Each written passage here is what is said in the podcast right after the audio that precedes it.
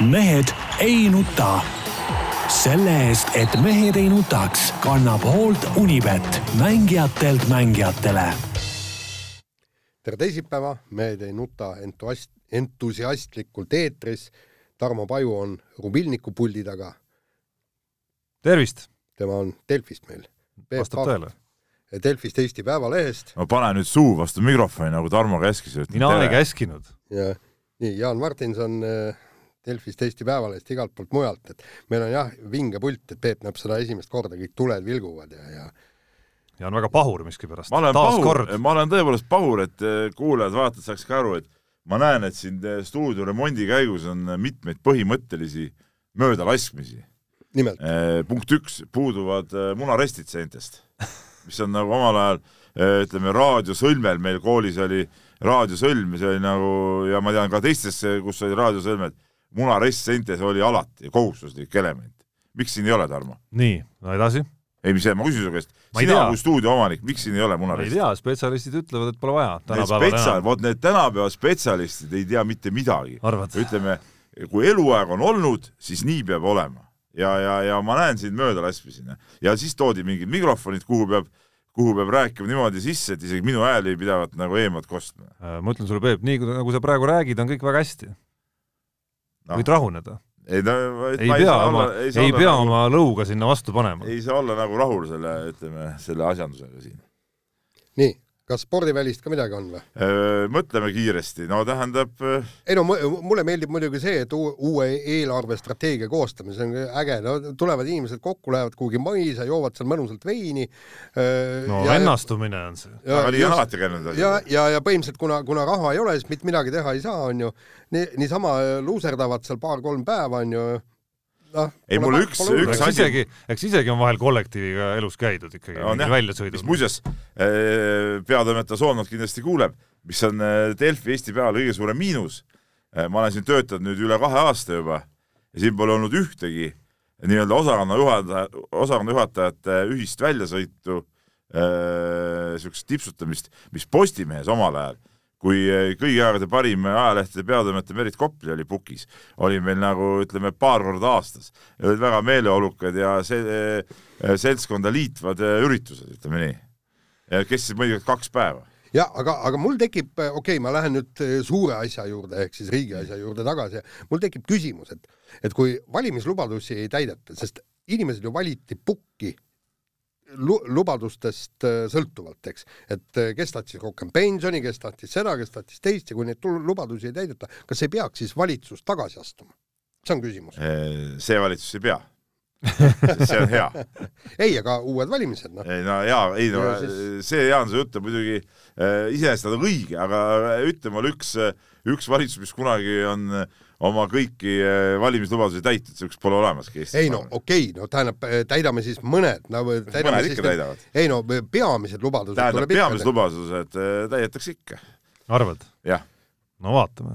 nii, aga, aga mis, kindel ei oleks. aga mis mulle, ütleme, poliitmaastikult siiski, mulle ikka üks asi on siin nagu nalja teinud viimastel päevadel või no midagi eriti põnevat pole muud olnud, aga aga on äh, mingi täielik umbluu on äh, üles külvanud Äh,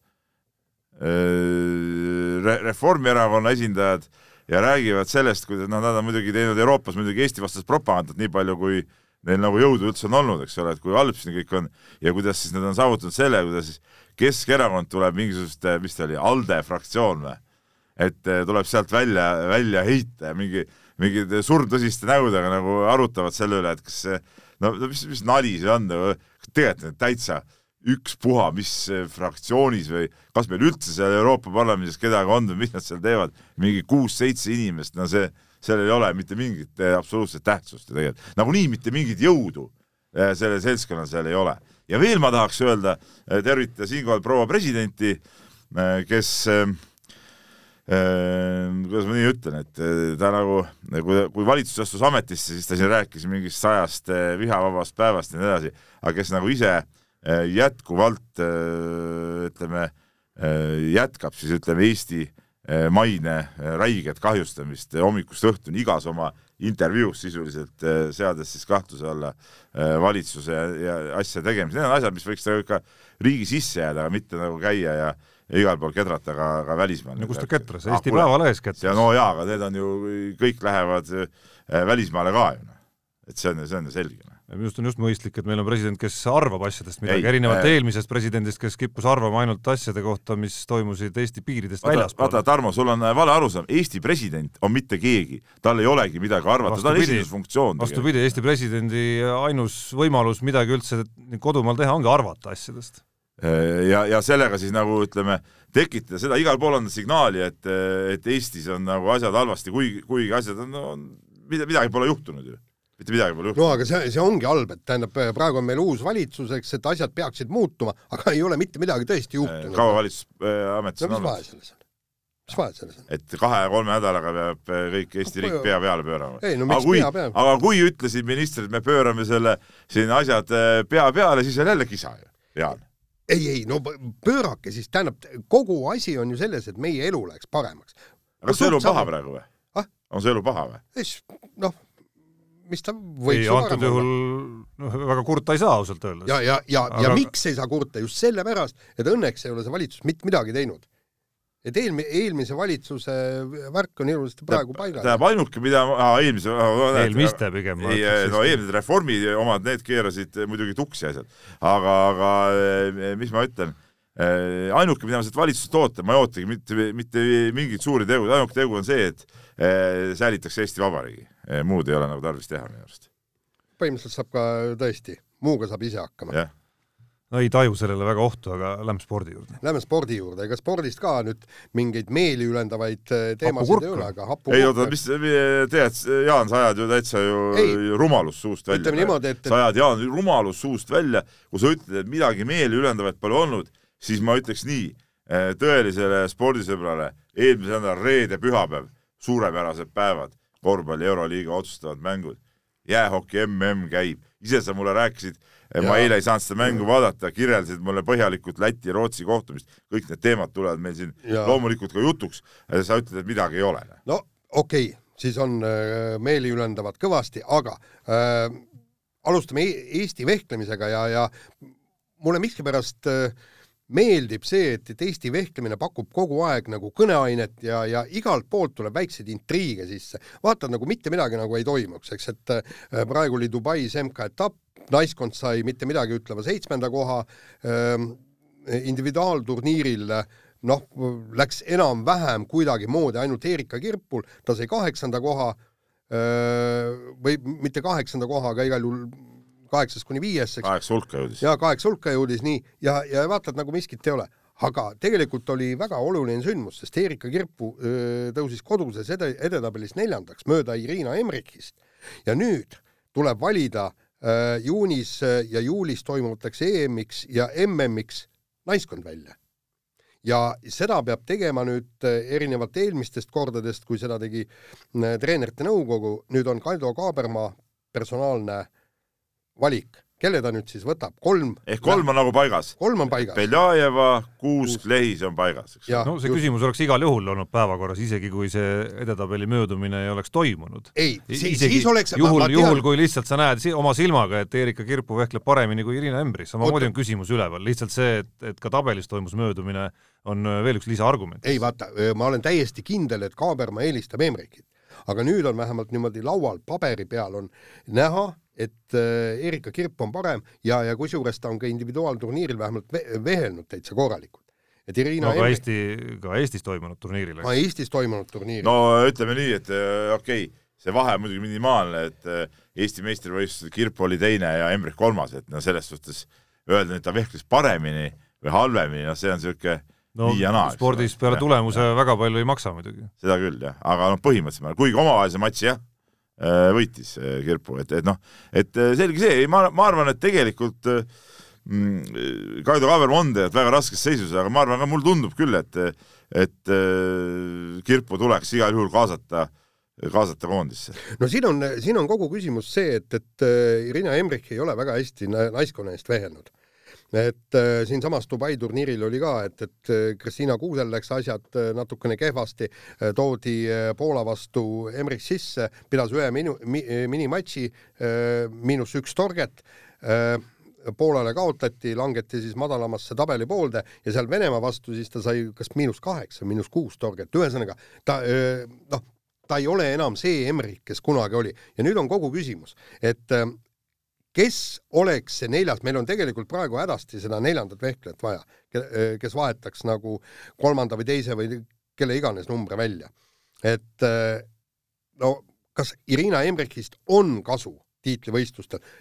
räägime ju olümpiapunktidest no pluss, pluss see argument, et pikka aega oli ta justkui asendamatu siis nii-öelda viimase vahetuse vehkleja, aga täna enam ei ole ehk siis see nagu oluline argument on päevakorrast maas, mis rääkis no, Irina Embrichi kasuks nagu noh, aastaid tegelikult. aga noh, ega me muidugi neid eh, kõiki detaile ja nüansse ja üksikasju nii hästi ei tea, et ega siin selles võib-olla Kaabermaal on nagu paremat mingit silma ja nägemist, et kas Embrich läheb veel vormi või ei lähe veel vormi, kuigi aega väga palju ei ole, et juunis on juba EM ju. et, et praegu on mai, mai lõpp juba käes, et et äh, aga pigem noh, ütleme niisugune kõrvaltvaataja pilgu järgi ma ütlen küll, et peaks lähtuma ikkagi äh, ikkagi tulemustest, nii nagu lähtuti tulemustest ju eelmine aasta, kui äh, äh Lehis saadeti äh, EM-ile Kirpu asemel, eks ole. siin on tegelikult üks variant, kui tõesti Kaido Kaaberma hirmsalt tahab Emrichit veel koondises hoida, las siis Emrich vehkleb EM-il ja, ja sealt on kohe näha, kui hea ta on, kas, kas ta on kasulik äh, naiskonnale, kas ta suudab individuaalturniiril midagi korda saata ja kui on vastus ei, siis äh, juba MM-ile peaks minema kirpu, sellepärast et MM-il jagatakse topeltpunkte, see on meile elutähtis. jaa, aga vaata, siin tekib see asi ka, et ähm, äh, MM on juulis, EM on juunis, praegu on mai ja nüüd on sellega on ju Dubai turniiriga sai ju, ju hooaeg läbi, eks ole et eh, kuidas Kirpo jääb ennast MM-i ajaks vormis, kui ta ei saa EM-ile vahepeal minna? nojaa, aga käib see... samamoodi laagrites ja kõik, sellepärast no, et ega see võistlusmoment ka ikkagi on ju see, mis, mis loeb. saad aru, seal EM-il ongi see, et, et eh, noh, võib juhtuda, et Emmerich tõesti vehkleb ainult siis selle individuaalis kvalifikatsiooniturniiri ja, ja naiskonna eest võib-olla saab eh, teha ühe minimatši, kaks minimatši, on ju. no see ei ole nüüd nii meeletu võistluskoormus. et kui, kui Kirpul see võistluskoormus ära jääks, no midagi ei juhtu ju sellest.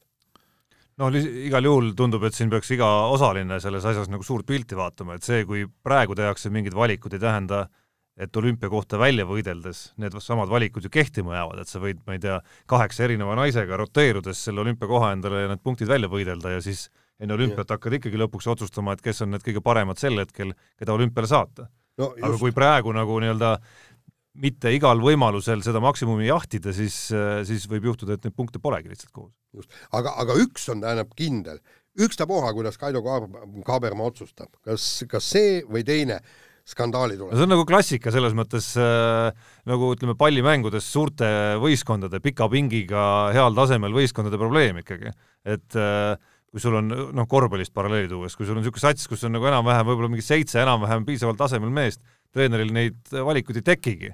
aga kui sa oled Madridi Reali juhendaja, siis alati sul mõni staar on pingi peal otsustavatel hetkedel. no sellest me jõuame veel rääkida, eks ole, mis Pablo Lausa siin poolfinaalis korraldas, aga eh, ma ütleksin selle teema kokkuvõtteks võib-olla niimoodi, et ikkagi mis skandaal, Jaan, mingit skandaali ei saa olla. reeglitega on kirjas, peatreener Kaido Kaaberma otsustab selle ja kui Kaido Kaaberma võtab Embrichi, on see Kaaberma otsus, kui ta võtab Kirpu, on see Kaaberma otsus ja nii ongi ja siin ei ole mitte midagi, kellelgi ei ole kobiseda no,. ja kõik va ja ükspuha, välja arvatud, välja arvatud juhul, kui läheb kehvasti. ükspuha, mis otsuse ta teeb, see on peatreeneri otsus, see on tema pädevuses ja nii ongi. aga ta peab siis ka vastutama. no vastutabki. Läheb, näiteks kui võtab äh, Embrichi ja Eem läheb nässu, tuleb lahkuda, võtab Embrichil, läheb hästi, on kõik hästi, võtab Kirpu, läheb Eem nässu, tuleb lahkuda peatreener, väga lihtne.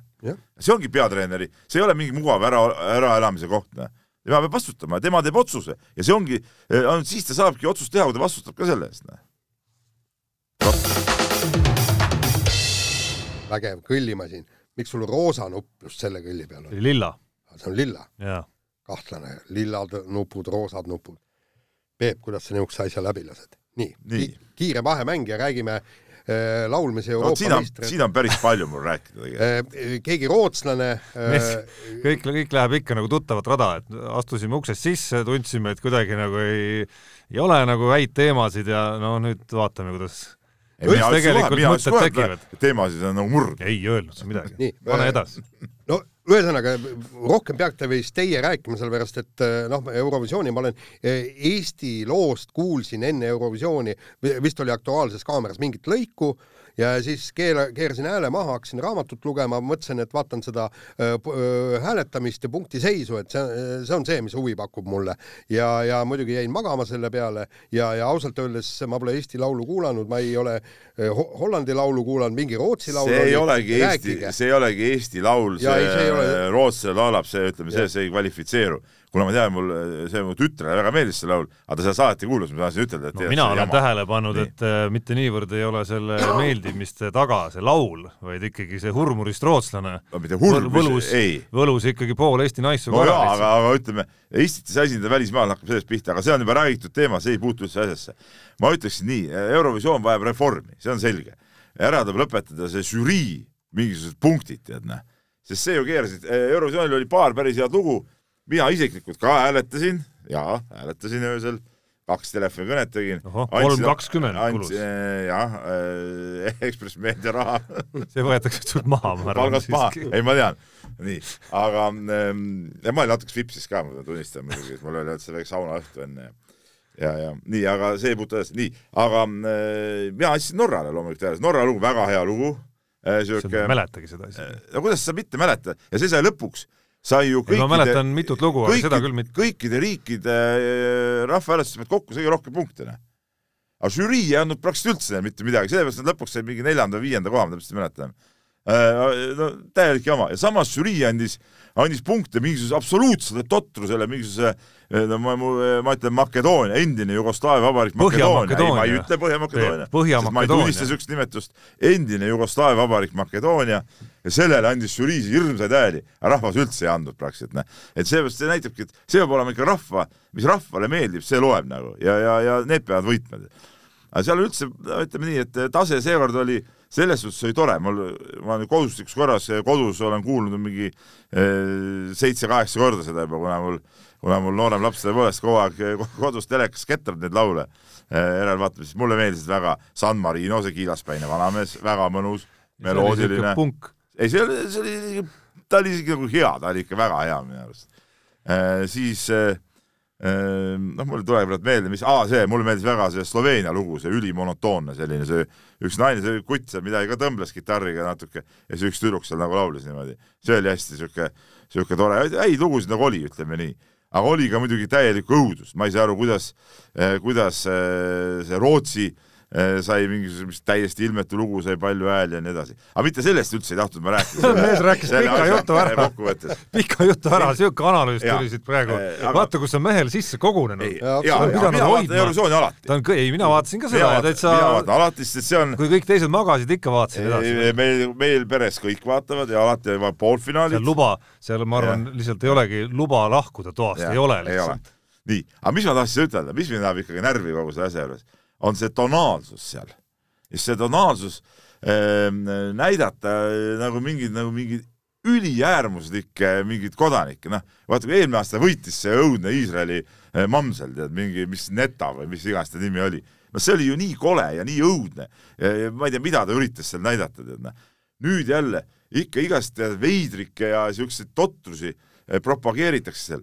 ma ütlen, et äh, no olgu seal neid eh, nii-öelda neid homosuhteid, no las inimesed olla, las elavad, noh, aga miks neid peab nagu mingeid äärmuslast, äärmustesse kalduma, mingisugused habemega äh, mees-naised seal, eh, see, mis see oli, see üks võitja seal eelmine aasta. Conchita Wurst, aga no ta on võitnud, näed. no jaa, ja jälle seal oma kleit seljas või seal, siis see prantsuse laulja, no on ta mees või naine või no kurat aru saab sellest, ka mingisugune, mingisugune täielik totrus, eks ole.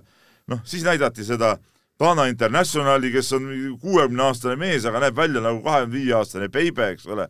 no milleks niisugust jama, no mis, mis, mis, milleks seda kõike niimoodi promoda, et, et äh, olgu, no elagu, armastagu mees mees või naine naist, vahet pole, aga me ei pea niisugust nagu, nagu nendest asjadest nagu nii äärmustesse kalduma, noh, see on täielik jamps, noh aga kas sinust, Tarmo, ei olnud nagu üle võlli kogu see asi nagu selles küsimuses no,? mis ma teha saan sinna, kui need inimesed on võitnud selle võistluse, noh. aga ei, ei, vot seal ju, see on no. nagu äh,, olgem ausad, võitnud või mitte võitnud, see on ikkagi nagu äh, nagu meelega natuke keeratud sellesse võtmesse kogu see no, mina, mina ei saa öelda, et, et ma seda nagu fännaks kuidagimoodi, aga ma ütlen nagu show'na iseenesest ja nagu kokkuvõttes oli tegelikult täitsa nagu vaadatav üritus, kusjuures ma tahaks nagu nii palju öelda ainult, kas või need hääletamise aegsed mingisugused äh, vahepalad, mis seal olid välja mõeldud ja nii edasi, et noh, äh, elasin kuidagi üle ka need äärmused, millest sa siin rääkisid. ei no me elamegi ja nagu ja kogu see, ja kogu see punkti jagamise nagu skeem ja süsteem, mismoodi on nagu tehtud selliseks, et see nagu pinge lõpuni püsib, olgem ausad, oli ka, on ka päris nutikaks aetud lõpuks. aga noh, see, see žürii, nad ei jaga asja, noh. rahva hääl on see, mis peab maksma Nonii. vahetame teemat. jah, see oli kiire vahemäng. see oli kiire vahemäng äh, Jaan Talts pidas oma seitsmekümne viiendat juubelit ja selle käigus äh, jõudis ta ka öelda, et äh, olen keskpärane sportlane, võitnud ühe olümpiakülla, mõned MM-i ja EM-i tiitlid, minusuguseid on maailmas tuhandeid. aga vastab tõele. tegelikult selles suhtes, selles suhtes mulle, mulle on Jaan Talts alati meeldinud, tema need väljaütlemised ja ja, ja ka see kriitika õigustatud üldjuhul, mis ta on teinud teiste sportlaste suhtes, siin Eesti sportlaste suhtes, äh, olen lugenud tema raamatut, äh, Paavo Kivise kirjutatud, see tahtmine, kõik see suurepärane lugemine. aga nii ongi ju. E, mingi olümpiavõitjaid ja maailmameistrid on ju maailm täis tegelikult ja, ja, ja, ja ta on, ütleme, maailma mõistes ta ongi ju täiesti noh, tavaline olümpiavõitja, ütleme mine nüüd, ma ei tea, kuskile välismaale ütleb, meil on Jaan Talts, no ma arvan, et et noh, tõenäosus, et keegi seda teab, on üliväike. Võib-olla mõni väga vana generatsiooni tõesti tõstespordihuviline keegi kuskilt. aga, aga Eestis selle eest on Jaan Talts loomulikult äh, tähelepanuväärne, ta ei ole, Eesti mõistes ta kindlasti ei ole keskpärane, et, et noh, ta on ikkagi olümpiavõitjaid meil on nii vähe, et see on meie jaoks nagu suur sündmus, aga maailma mõistes loomulikult keskpärane. ja aga, aga teine asi on see, et, et okei okay,, vaat see ongi huvitav, et Jaan Talts võrdleb ennast maailmaga ja tegelikult peabki ju ennast maailmaga võrdlema, kusjuures huvitav on see, et ta ei ole eh, kordagi tulnud Eesti meistriks sellepärast, et ta ei ole osalenud Eesti meistrivõistlustel. sellest ta on võitnud eh, tõstmisvõistlused Tihemetsa Kang. jah ja., just, aga, aga aga, aga, aga Eesti mõistes mul kuidagi sellest raamatust on meeles midagi. aga, aga, aga Eesti mõistes, kui me, kui me võtame selle olümpiakulla, olümpiahõbeda, mille ta Carlo Kangasniemi meile kaotas, kes oli dopingut täis, eks äh,, aga paneme veel siia juurde kõik need nelikümmend kolm või nelikümmend üks maailmarekordit, seda ei teatagi täpselt, kui palju nad. Et siis selle, selle järgi ta on tegelikult tõesti erakordne sportlane Eesti mõistes ja juba nende rekordite mõistes. palju meil on maailmarekordi omanikke klassikalistel olümpiaaladel? väga ei ole. ei no jah, ei olegi väga. nii on.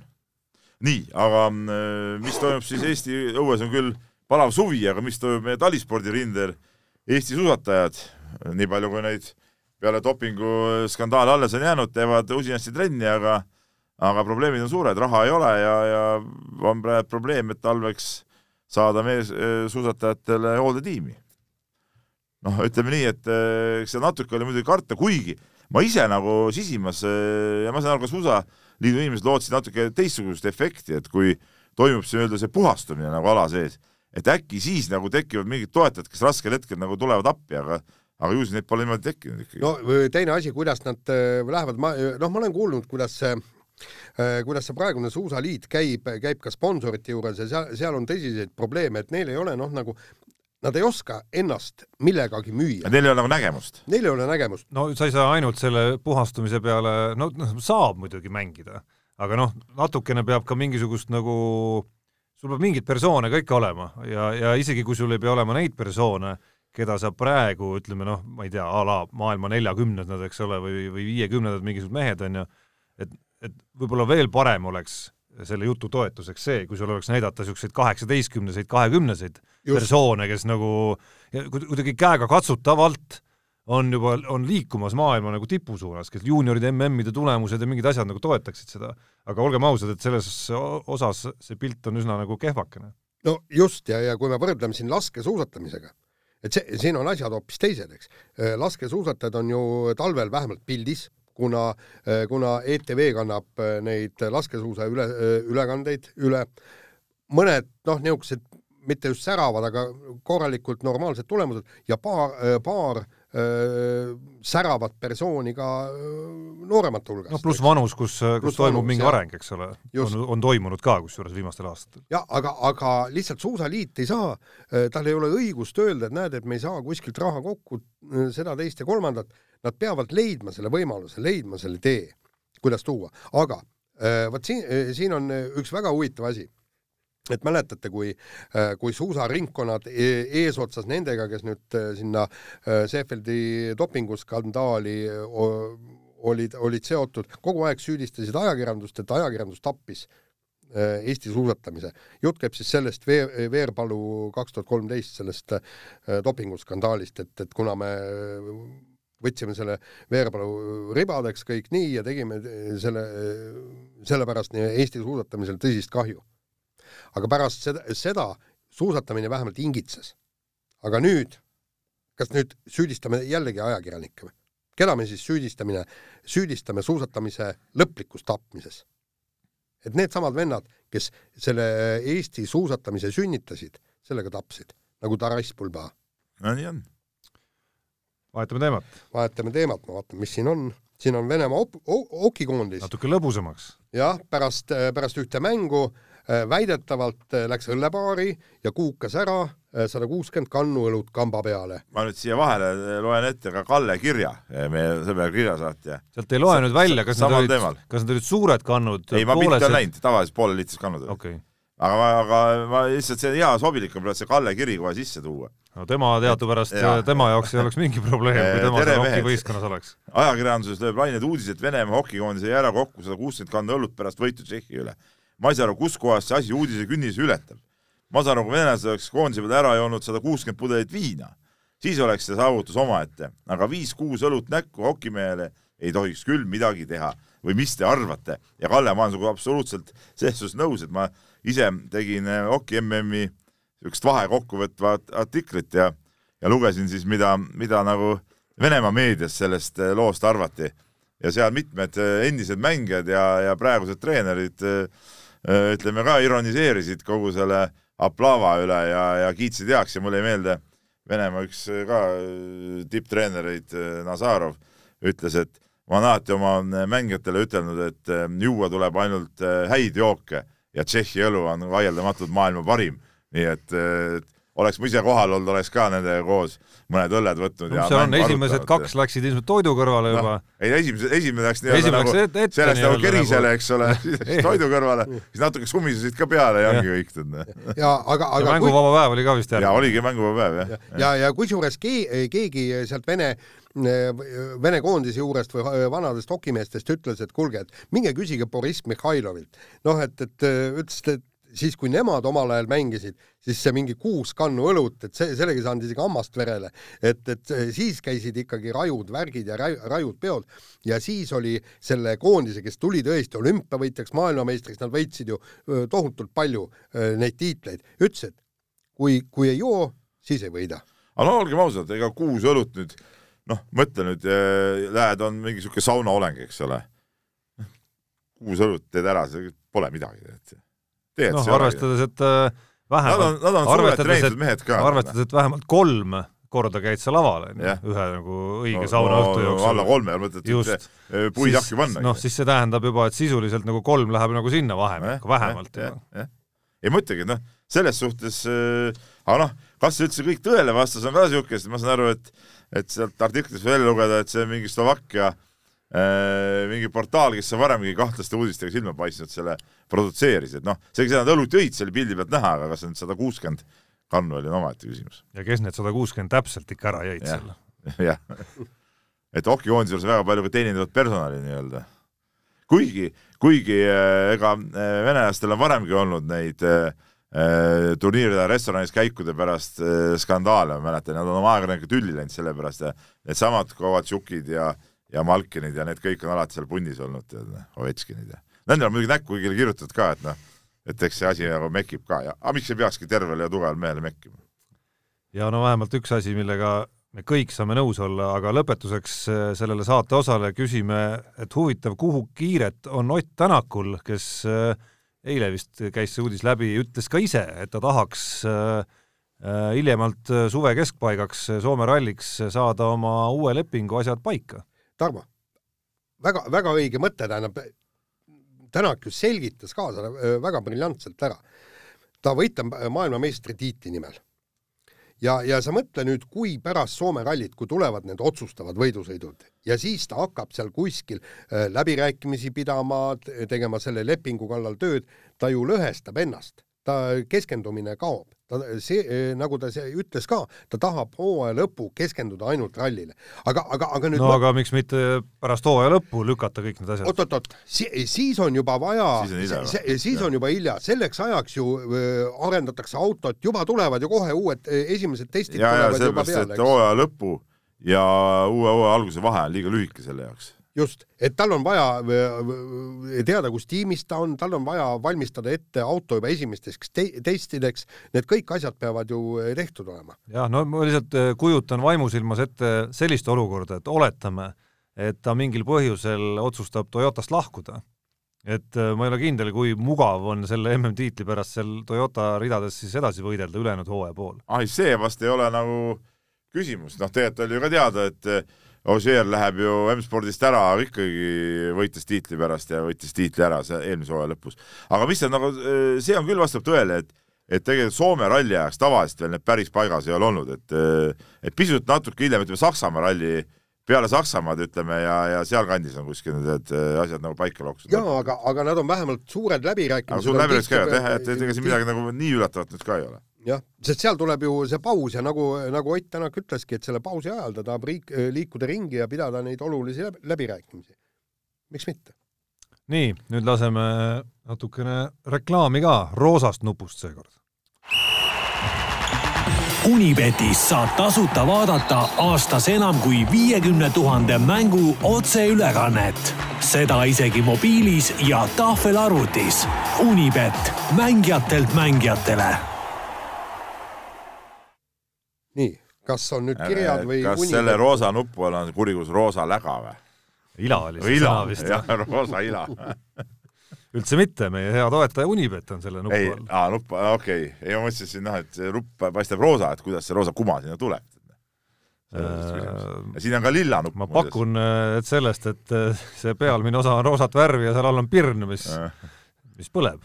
seal nagu, nagu seda õiget värvi nagu kuidagi ei ole, seal on see miks sinine on ju? No sinine on jah, Isamaa värv. rohelise vastu midagi? kollase vastu midagi? ei, mina, minu lemmikvärv on alati olnud sinine, kogu elu. seepärast mulle meeldib ka meie logo, mis nüüd seal on televiisoris, me Tarmo ja Jaani selja taga, et ta on nagu sinisel taustal. no aga see sinine on kuidagi liiga niisugune naiselikult õrn. ta on natuke liiga õrn jah, et siin peaks äkki, ma toon järgmiseks nädalaks isoleerpaela, paneme selle õige sinise isoleerpaelaga selle ja, üle, et siis saab selle õige tonaalsuse kätte. nii, aga läheme kirjade rubriigi juurde jälle edasi ja meil on Kallelt ka teine kiri Kallet siis me mäletame, et tsiteerisime juba kuulsa jäähoki eh, uudise juures ja Kalle kirjutab nii. Eh, Rally Estonia korraldajad kurdavad, et võib-olla jääb WRC etapi korraldamine majutuskohtade nappuse taha Lõuna-Eestis. Eh, minu arust on see jutt natuke naljakas, et WRC etapi mastaabi mõistes on Eesti väiksust silmas pidades öö, oleks täitsa normaalne, kui inimesed ööbivad kas või Tallinnast. rääkimata sellest, et võib ka Lätis ööbida Jaan ja Peep, et olete pea kõikidel rallidel kohal käinud, et äh, ta ar-, ja ma arvan, et enamus rallilisi võib enda all, enamus rallis võtab enda alla vähemalt pool Eestit või ma eksin, küsib Kalle. noh, ei eksi tegelikult. selles suhtes, et äh, näiteks nüüd ma lähen äh, Portugali rallile järgmine nädal ja siis on esimese päeva kiiruskatsed on näiteks Portost rohkem kui saja kilomeetri kaugusel, see on ehk siis sama hea, kui rallikeskus oleks Tartus ühele äh, katsed oleksid Paides, nii. ja järgmised kaks päeva on katsed üks äh, noh, seitsekümmend, kaheksakümmend kilti teisel pool Portot, ehk siis sama hea kui Tartust sõita Otepääle ja seale, et ta võtabki selle diapasooni enda alla ilusti ära ja ma ei saa ka sellest jutust tegelikult aru. sada kilti ralli toimuspaigast eemal ööbimine ei ole mitte mingi ime no.. Rootsi ralli enamus suured ööbimised on Karstadis seal toimub vaata üks kiiruskatse, rallikeskus on alati eemal sealt ja, ja see vahe tavaliselt rallikeskuse karstide vahel ongi kuskil üheksakümmend kuni sada kilti. mitte mingit küsimust. Monte, Monte Carlo ralli kapis on seal, ütleme, see, sel aastal mul jubedalt vedas, ma sain kohe kapi kõrval ööbimise, aga, aga ma olen mööda kiirteed kaheksakümmend kilomeetrit alla ja, ja siis täiesti, pöörad veel täiesti, täiesti normaalne. siis Korsika ralli, sel aastal vedas, olin kolmekümne kilomeetri kaugusel rallipargist. eelmine aasta nii väga ei vedanud, oli, oli viiskümmend kilomeetrit, kusjuures üle mägede, nii et praktiliselt tund aega sõitsin, mitte mingisugust probleemi, aga vot üks, üks asi on, jäi natukene nagu minu meelest lahti seletamata, kui Urmo Aava siin pakkus välja, et Eesti inimesed võiksid oma, oma korterid välja üürida vaat siin nüüd tekib küsimus, et, et millise summa ja millise hinna eest, vaata, meie oleme, Peep, ju sinuga ka olnud Jyvaskyla rallil elanud korterites. ja, ja, ja näiteks ükskord oligi niimoodi, et et läksin sinna, äh, see oli see, mis asjad need on, igasugused turismifirmad, kes, kes neid vahendasid.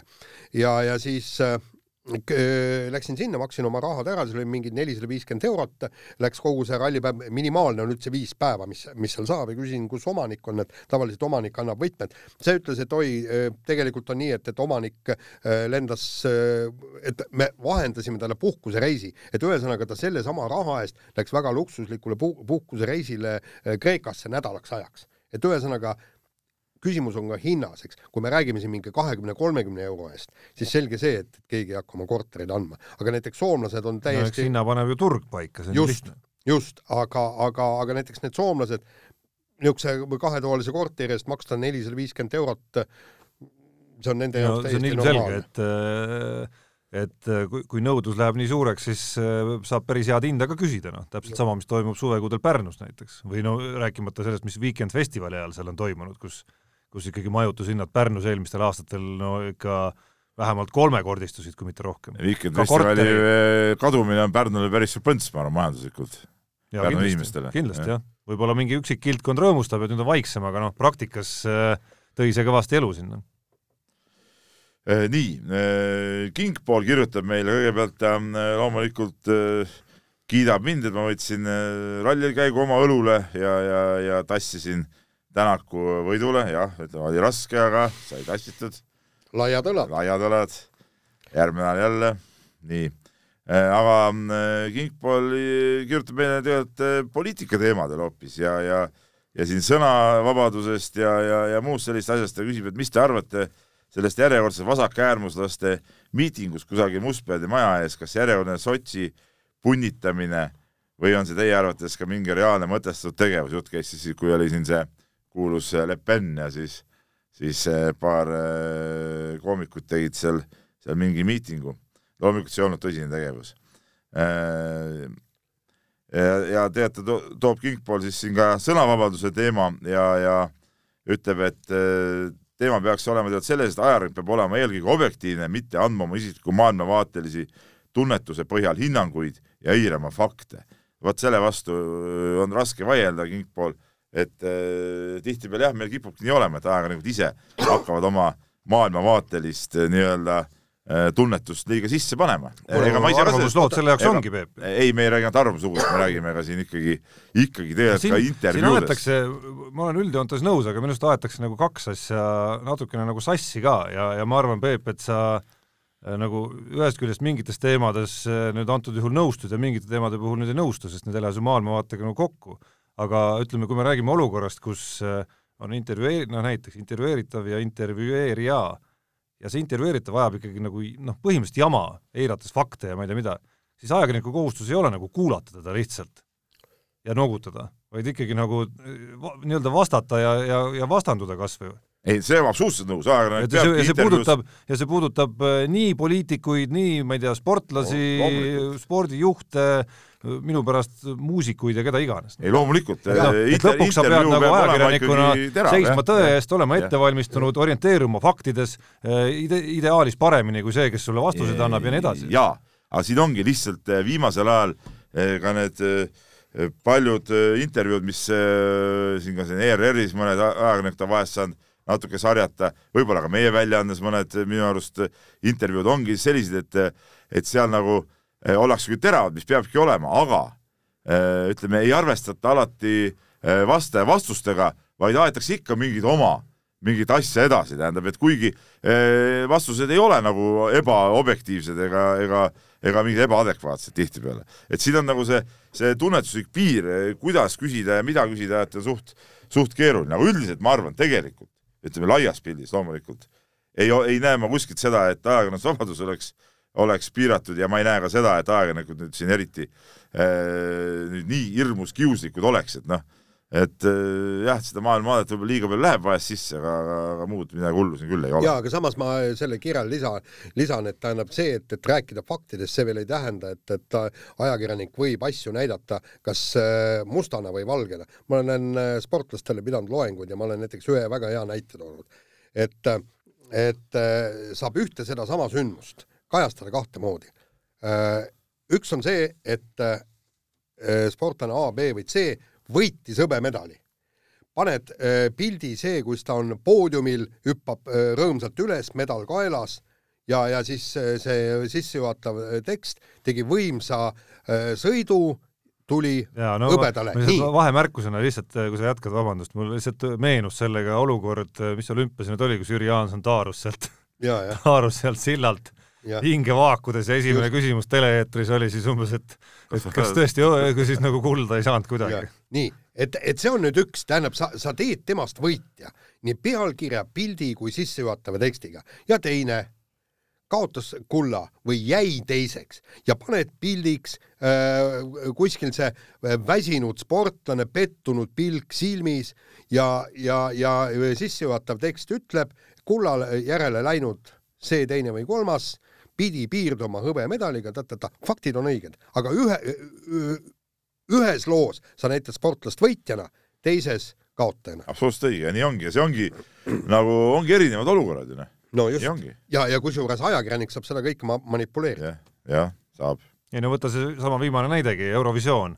Äh, ühest küljest üheksateistkümnes koht on ju, no mingi noh, just nagu jamps on ju, teisest küljest Peep, ei, oota, oota, oota, teisest küljest Äh, kui sa loed kokku alates sellest hetkest, kui on see süsteem poolfinaalid ja finaal, siis rohkem kordi on Eesti äh, jäänud finaali ukse taha, kui sinna pääsenud. järelikult see, üle keskmise tulemus. see ei puutu asjasse. ei, ei, no, ei vaata, kui meie näitena, ei, ära mine sinna sisse praegu, aga näitena ei, on see täiesti adekvaatne. ma ei lähe sinna sisse, ma toon spordist ta, tavalise väite.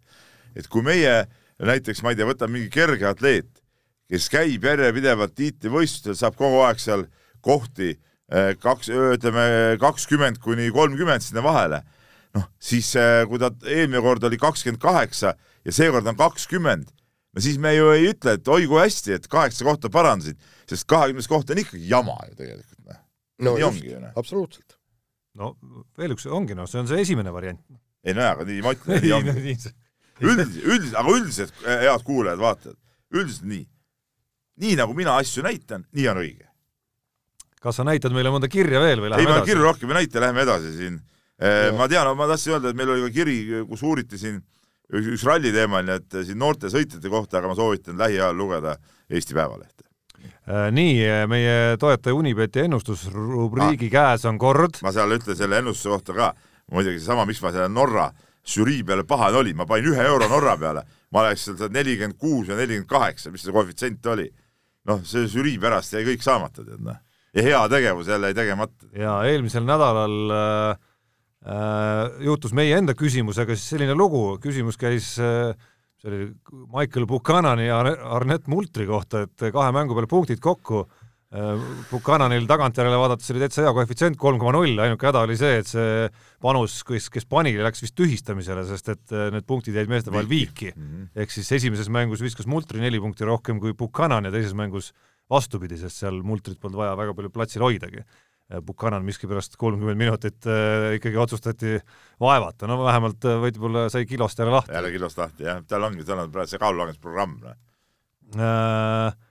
ma pean tunnistama, et ma väike, väikese lisa ikkagi oma kontole teenisin siiski, sest et äh, panin äh, panin poolfinaalis, Euroliiga poolfinaalis Anatoolu Efesi peale väikese kopika. ma tegin sada nelikümmend seitse on mu saldo hetkel. ma unustasin vaadata, kas ma nüüd äh, selle, noh, selle ühe euro ma kaotasin, eks ole. aga ma tegin veel paar panust, mida ma ei mäleta, mis ma täpselt tegin ja ma unustasin ka vaadata, kas ma võitsin või kaotasin. aga ma selle Oki MM-iga midagi seoses tegin, tead, enda arust jälle mingeid kavalaid asju seal, jah, ma kahjuks mitu, mitu panust, mis oleks võitnud, jäid panemata, kuidagi jäin niimoodi rahvakeeli öeldes junnama seal, kas või Hollandi peale tegelikult mingil hetkel äh, Eurovisiooni koefitsient tõusis ühe koma üheksa peale, siis oleks võinud panna isegi. No see on plagiaat, seda toetab plagiaati. ei no toetan seda, et panustada loole, mis võidab. aga see ei olnud hea lugu, jah? mulle meeldis. jumal küll, jumal küll, Tarmo Paju. teeks, teeks mingi pausi, ma peaks nagu hingama teda õhku. jumal küll. ütleme niimoodi, et, et mina Norra, ja siis sa Norra lugu ei mäleta? ei mäleta, jah. no mis nali see on? Põhja-Makedooniat oli... mäletan väga hästi. no see oli ka aasta, tead. Noh. hästi laulis. hästi? kena daam, ilusti laulis. Aga Norra lugu oli, see oli see, kus see äh, joigus seal see üks äh, see kolm esitajat oli mees, naine ja siis refrääni osas oli siuke ilma sõnadeta, nagu minu arust on see noh, mingi norrapärane mingi jorisemine. see oli see iluuisutaja või, või see oli Taanis või? jaa, Taanis oli iluuisutaja. aga taanlastel oli ka tore lugu. lugu ei mäleta. no nii. tahad öelda midagi? ei, ma tahtsin lihtsalt öelda, et ma olin jah peaks Norra lugu telefonist eetrisse laskma. kusjuures meil on võimalus nüüd ka siin hakata lugusid mängima lausa et see sada pluss eurost tulin kolinaga alla, panin mõned kehvad panused ja noh, Anett Kontaveit vedas mind natukene alt ja ja sealt tuli ja sealt tuli, noh, tähendab, ütleme niimoodi, ma olen kuskil kaheksakümne kuue peal. Jaan, sa valda seda asja lihtsalt no.. ei, ei, see on, ütleme niimoodi, et, et, et siit algab tõus. sellepärast, et kaugushüppes ka selleks kaugele hüpata, kui tuleb kõigepealt tagasi minna, et hoojooksu ikka, ikka. just Äh, uue nädala eripanus äh, keskendub Eesti jalgpalli karikavõistluste finaalile, nimelt võimendatud koefitsient mehed ei nuta eripanus, Narva Transi tulek Eesti karikavõitjaks kolm koma seitsekümmend viis. no ma üldiselt, äh, muidu ma oleks pannud Narva Transi peale, pärast seda, kui nad tegid selle peatreeneri lolli vahetuse no alles näpistasid Floralt punkti. ei, seda küll aga sellepärast, et mitte maksta kõrgemat palka vahest treenerid, ma põhimõtteliselt nende peale raha ei pane, mingi kuu peale, tead noh. näpistagu või mitte, tead noh. Aga... ja ma kutsun üles kõiki mitte eh, toetama Narva Transi. raha võite muidugi panna. aga nüüd on nii. Eh, see jama, et kell on oi, uskumatult oi, oi. palju. me pidime lühikese tänapidi lühikese saada.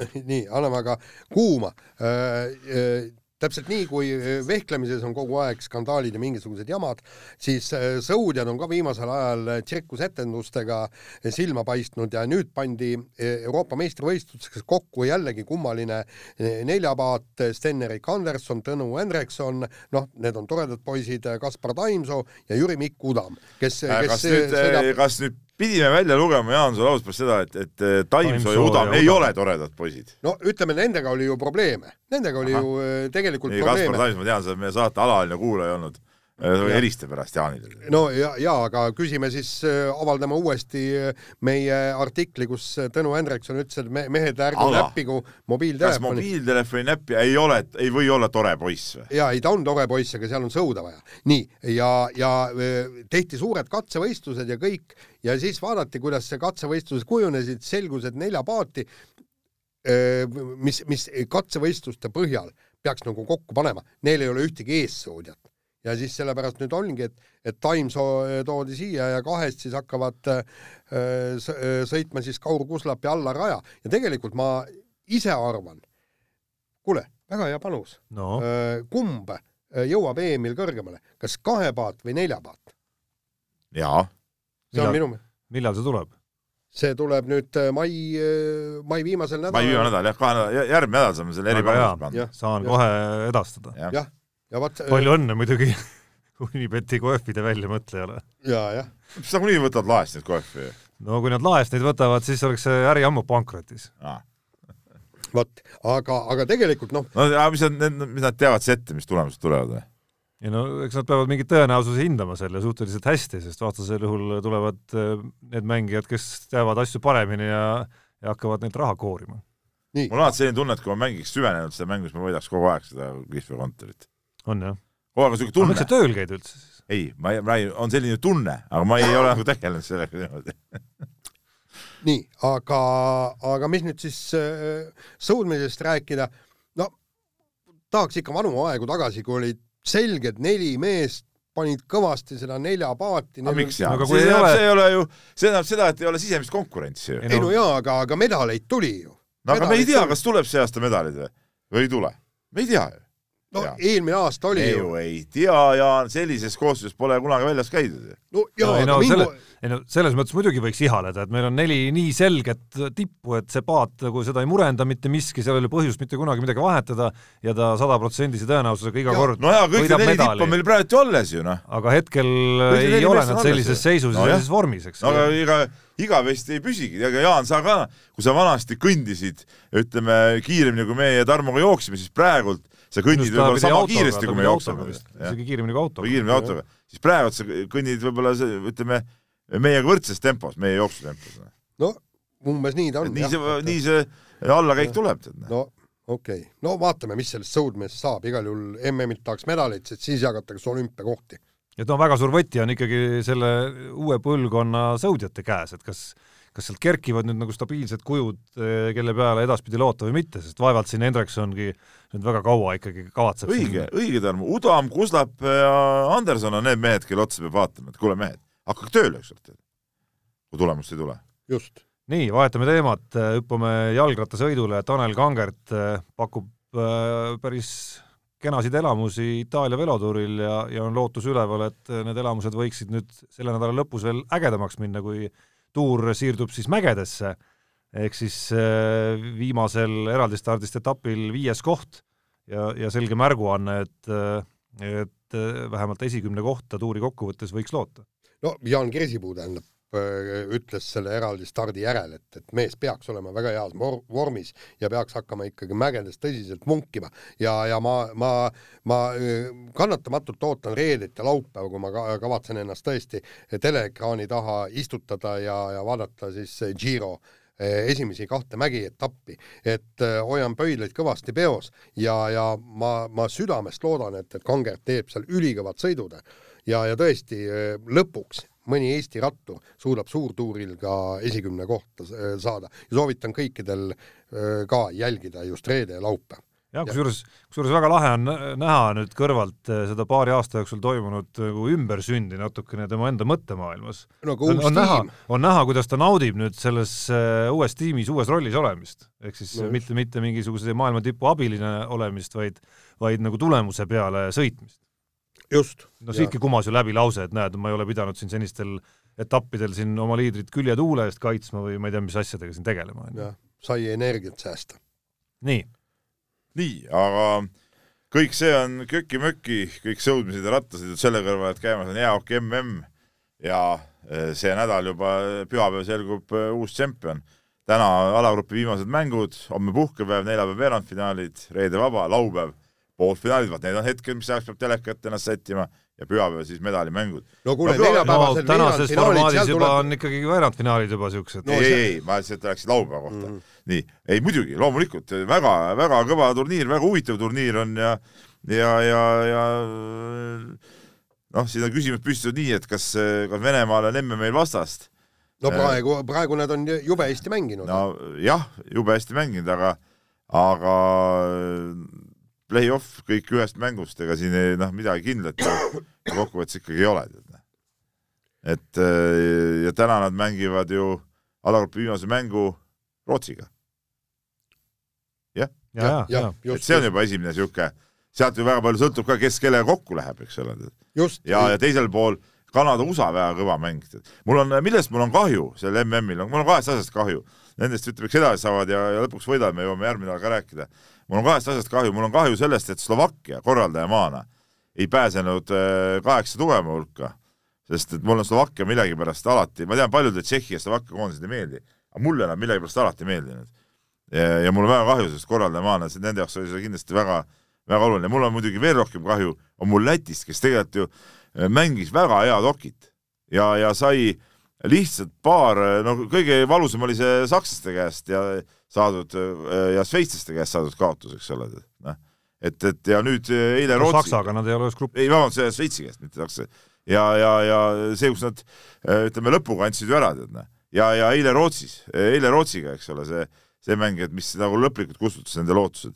et tegelikult nad mängisid hästi Venemaaga, läksid ka üks-null ette, üks-kolm kaotasid lõpuks Tšehhiga, kaks-null ette, lõpuks jälle kaotus, et noh, tegelikult nad mängisid head okit, aga noh, kahjuks, kahjuks jah, ütleme see alagrupp oli ikkagi, ikkagi väga kõva. no, no ükskõik, kuidas sa joonistad neid gruppe MM-il, kaheksa hulka on ikka Läti-sugusel jube raske saada, noh. no ja täpselt samamoodi ka Slovakkial. et näed, mängisid hästi küll, aga lõpuks vaatad tabelisse, et eh, sellest play-off'i joonest lahutab kuus punkti hetkel. no lõpuks jääb kolm punkti lahutama, ehk üks võit. aga ma ütlen, neil olid nagu eh, Neil olid võiduvõtmed ju käes ja, ja, ja viigivõtmed olid käes nii, nii Šveitsi kui Tšehhi vastu, et, et kõik võimalused olid olemas ju tegelikult, noh et noh, selles suhtes on, on kahju ja, ja, ja ja mis nagu OK MM-il veel on, on see muidugi, et lõikame ära ikka need alumesed satsid, et me siin täna tegime Jaaniga, naersime küll, et just see Suurbritannia, Itaalia veel, veel jäävad edasi ka sinna, noh.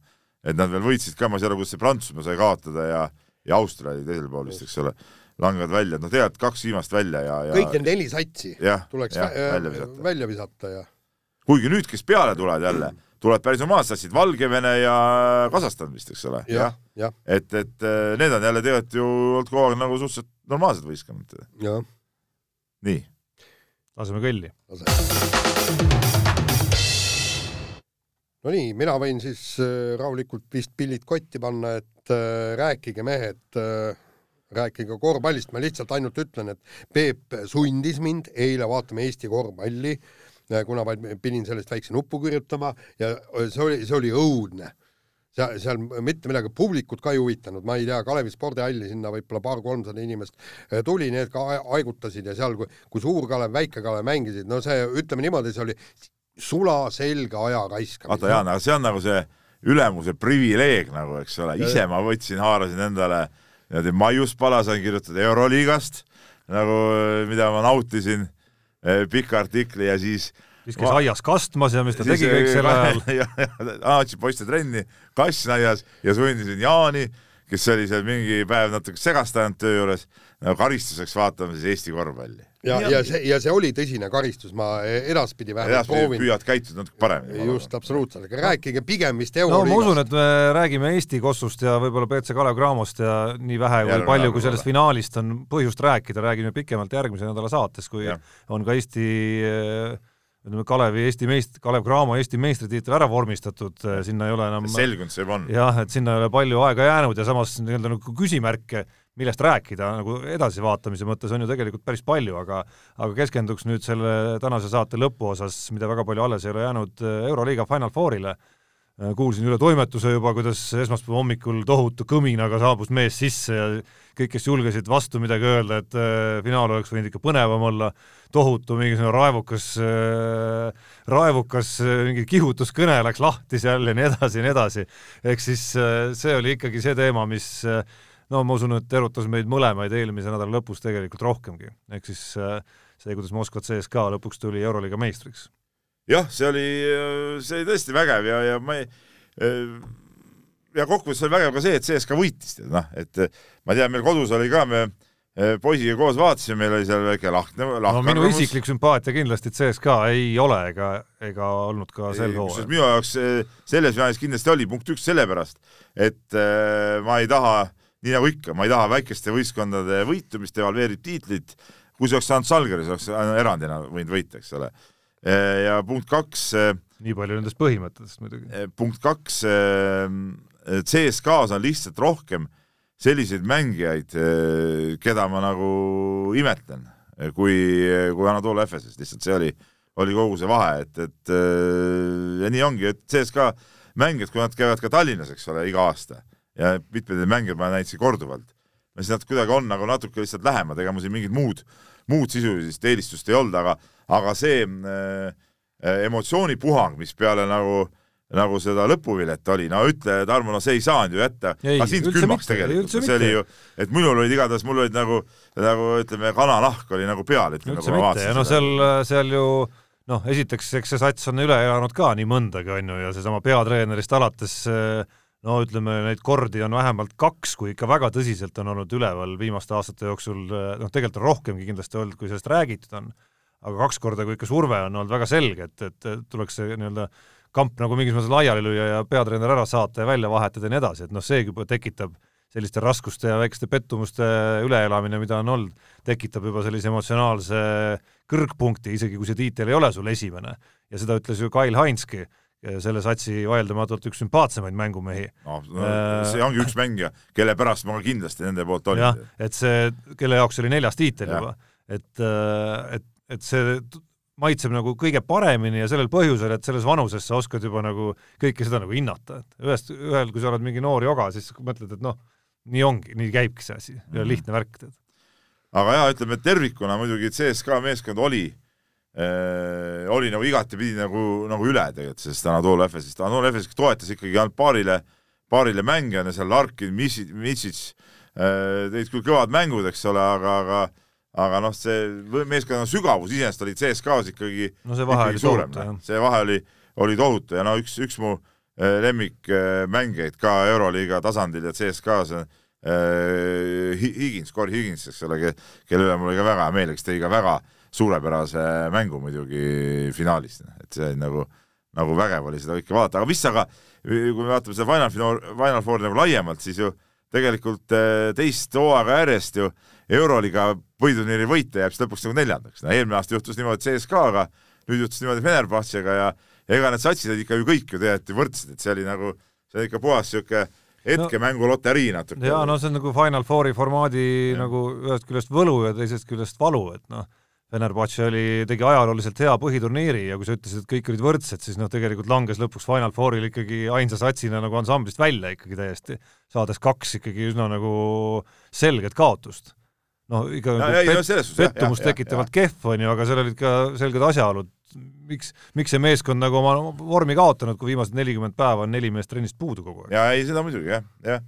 Kuigi no ma arvasin enne seda äh, Final Fouri, ma arvasin, et selle võistkonna, vaata kui me rääkisime CSKA sügavusest, ma arvasin, Fenerbahcel on seda sügavust äh, sama palju, et see ikkagi nii palju ei, ei mõjuta ja noh, Lutsida Toome ei saanudki ju mängida, kes on üks äh, absoluutselt võtmemängijad selles võistkonnas minu arust. no aga teine oluline pikk veel. no pikk ei mänginud juba, Laverne ei mänginud juba ju, ju äh, varem, eks ole, et, et aga, aga ta Toome äh, roll selles meeskonnas on ülisuur, aga ikkagi ma arvasin, et et Kalinitsid ja, ja kõik need vennad, et suudavad nagu äh, seda korvata, tema puudumist, aga, aga tegelikult ei suutnud. Ja mis, kes oli võib-olla selle Final Fouri kõige suurem pettumus oli Kostas Loukas, kes, kes on alati olnud niisugune suurte äh, mängude mees ja, ja ütleme, niisuguses olukorras tassinud võistkonda, noh, see, kuidas ta juba poolfinaalis nagu ära vajus, tegi oma need kolm viga kiiresti ära, istus pingil, tuli tagasi, noh, oli kohe nõrk, no siis eh, vot, vot temast jäi nagu platsil olnud meestest jäi temast nagu kõige rohkem puudu ja see, ma arvan, et, et see halvas kõige rohkem seda Venerbatse äh, mängu. aga noh, kui finaali juurde korraks veel hüpata, enne kui lõpetame, siis siis ühest küljest jah, mul nagu äh, oli väike unistus, et tuleb nagu uus võitja ja selline nagu emotsioonimeeskond natukene rohkem äh, kui selline CSKA masin jääb nagu peale, onju. et CSKA Aga, ei ole masin, see ei ole ta on nagu masinlikum ikkagi, et sul ole. on seal nii palju lülisid ja kuidagi nagu tahad istutad Rodriguez'e pingile ja sul on seal mingid teised mehed, kes äh, nagu alt ei vea, selles mõttes nagu masin, et seal nagu mehed, kes alt naljalt nagu ei vea, onju versus see, mis sa nägid Anatoly Efesil, kuidas ikkagi noh, see Tibor Plaisi näide näiteks. no jaa, aga noh, aga siis oleks igast suvalised tondid oleks jaa, no aga, aga noh, me seda enne ei teadnud, et ta osutub selliseks suvaliseks tondiks sellisel areenil finaali tasemel, on ju, et muidu oleme, muidu nagu oleme arvanud, et päris korralik mängumees, on ju. et, et, et mis on nagu teisest küljest nagu mingi moraal kindlasti ongi see, et et noh, raske on nagu ühe hooajaga sul nagu tšempionit ikkagi ehitada, et FS ju vahetas sisuliselt peaaegu terve võistkonna välja kahe hooaja vahepeal ja seda arvestades jõudis ikkagi nagu ulme kaugele.